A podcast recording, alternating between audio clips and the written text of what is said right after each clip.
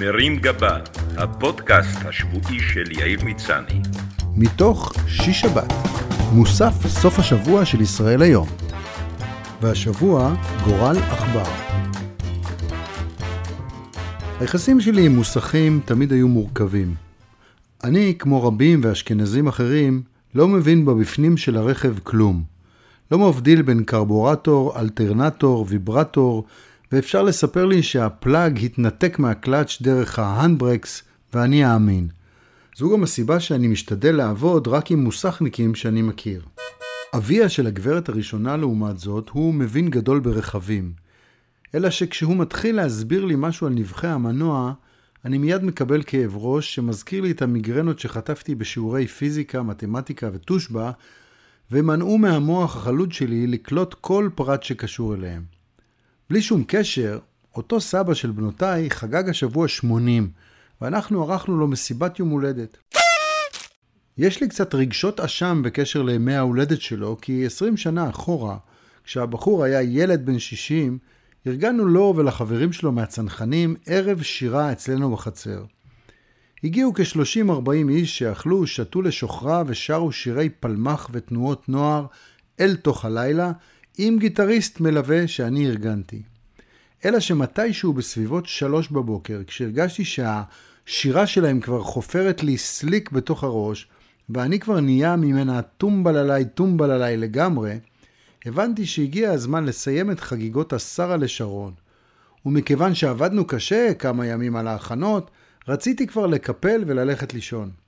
כל הסימנים שעשיתי למלווה עם הגיטרה, כדי לרמוז לו שלפעמים החגיגה נגמרת, והגיעה העת להיפרד, מה גם ששילמנו לו רק על שעתיים, לא הועילו, והעניין לא השתנה גם כשהתחלתי לשחרר פיהוקים מוגזמים, לנקוש באופן מופגן על שעון היד ולעשות סימנים של סכין על הצוואר שלי.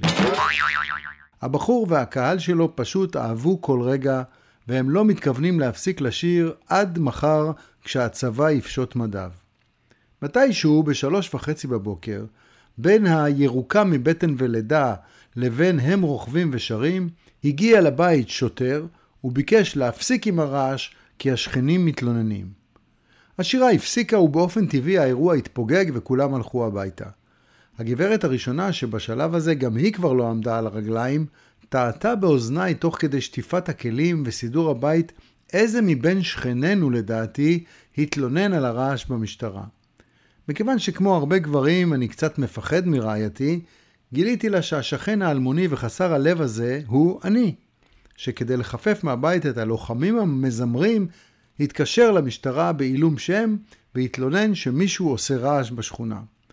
כמובן שלא סיפרתי ליומנאי שמוקד הרעש נמצא בבית שלי, ואחד מהמרעישים הראשיים הוא חותני האהוב. מאז עברו 20 שנה, אבל חלק מרגשות האשם שלי נשארו, וביחד איתם התחלנו להפיק את יום ההולדת ה-80, שתוכנן להתקיים בבית לדיור מוגן בגדרה, שם מתגוררים הוריה של רעייתי. אנחנו לקחנו על עצמנו את הארגון ואת הזמנת האוכל.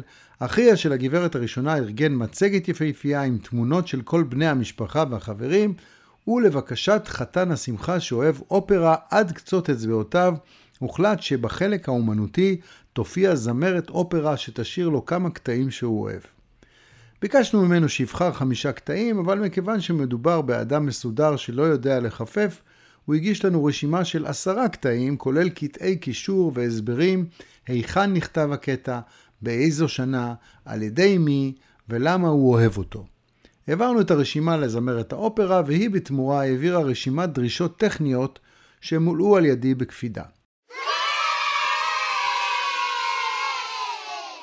בבוקר יום ההולדת יצאנו רעייתי ואני מהבית כדי לארגן את האירוע. בתוכנית הייתה הזמנת כמה מגשי בורקס מבורקס יוון, רכישת פרחים לקישוט יום ההולדת, קניית בלונים ואיסוף עוגת יום ההולדת. קיווינו לסיים עם כל העניין תוך שעה וחצי, לשוב לענייננו האחרים ולצאת לכיוון גדרה בחמש אחר הצהריים. מכיוון שבזמן האחרון נצפה בכניסה לביתנו עכבר שובב שהפחיד את בנות הבית, הנחתי לו מלכודת. בצאתי מהדלת לכיוון האוטו ראיתי שהמלכודת מתנועת בחוסר נוחות. בדיקה קצרה העלתה שאכן הבחור לא עמד בפיתוי, ושילם על חולשתו לגבינה ושוקולד. זה כבר העכבר השני שנתפס השבוע, וכיוון ששמעתי שהדרך התקינה והאנושית להיפרד מעכברים היא לשחרר אותם באיזה שדה פתוח, לקחתי את המלכודת עם השבוי האפרפר, והכנסתי אותם לבגאז' של המכונית, מתוך מחשבה לשחרר את הטרמפיסט בדרך. סיימנו את עסקנו בחנות הבורקס ושמנו פעמנו לתחנה הבאה כדי לקנות עוגה. ברמזור שמעתי צפצוף טורדני מהמכונית שמאחוריי.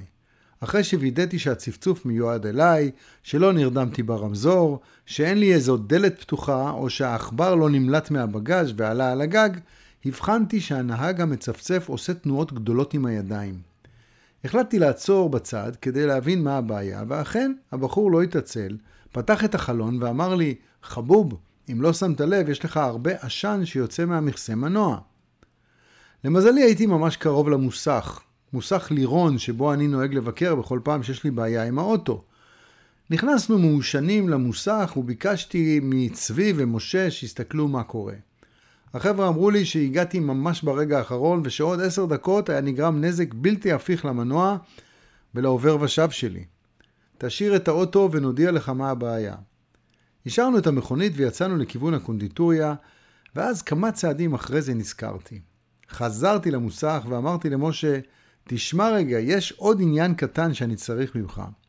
יש לי עכבר בבגאז'.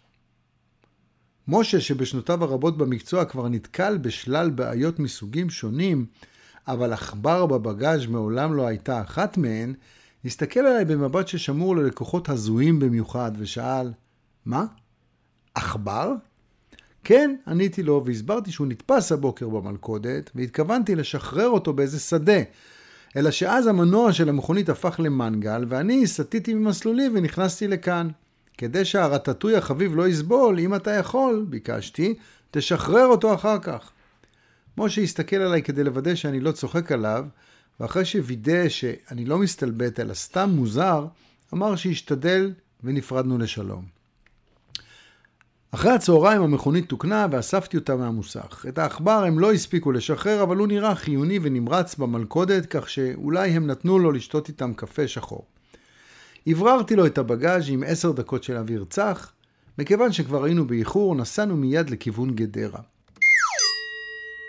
רגע לפני הכניסה למתחם הדיור המוגן נזכרתי שמיקי מאוס עדיין איתנו, יצאתי מהאוטו ושחררתי אותו לחופשי. האירוע היה מקסים, האוכל טעים והמוזמנים התרגשו ביחד עם חתן יום ההולדת.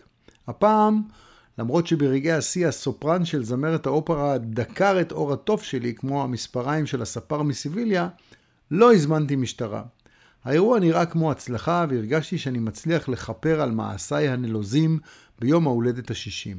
אבל אז נשמעו זעקות רמות מכיוון הלובי של בית האבות.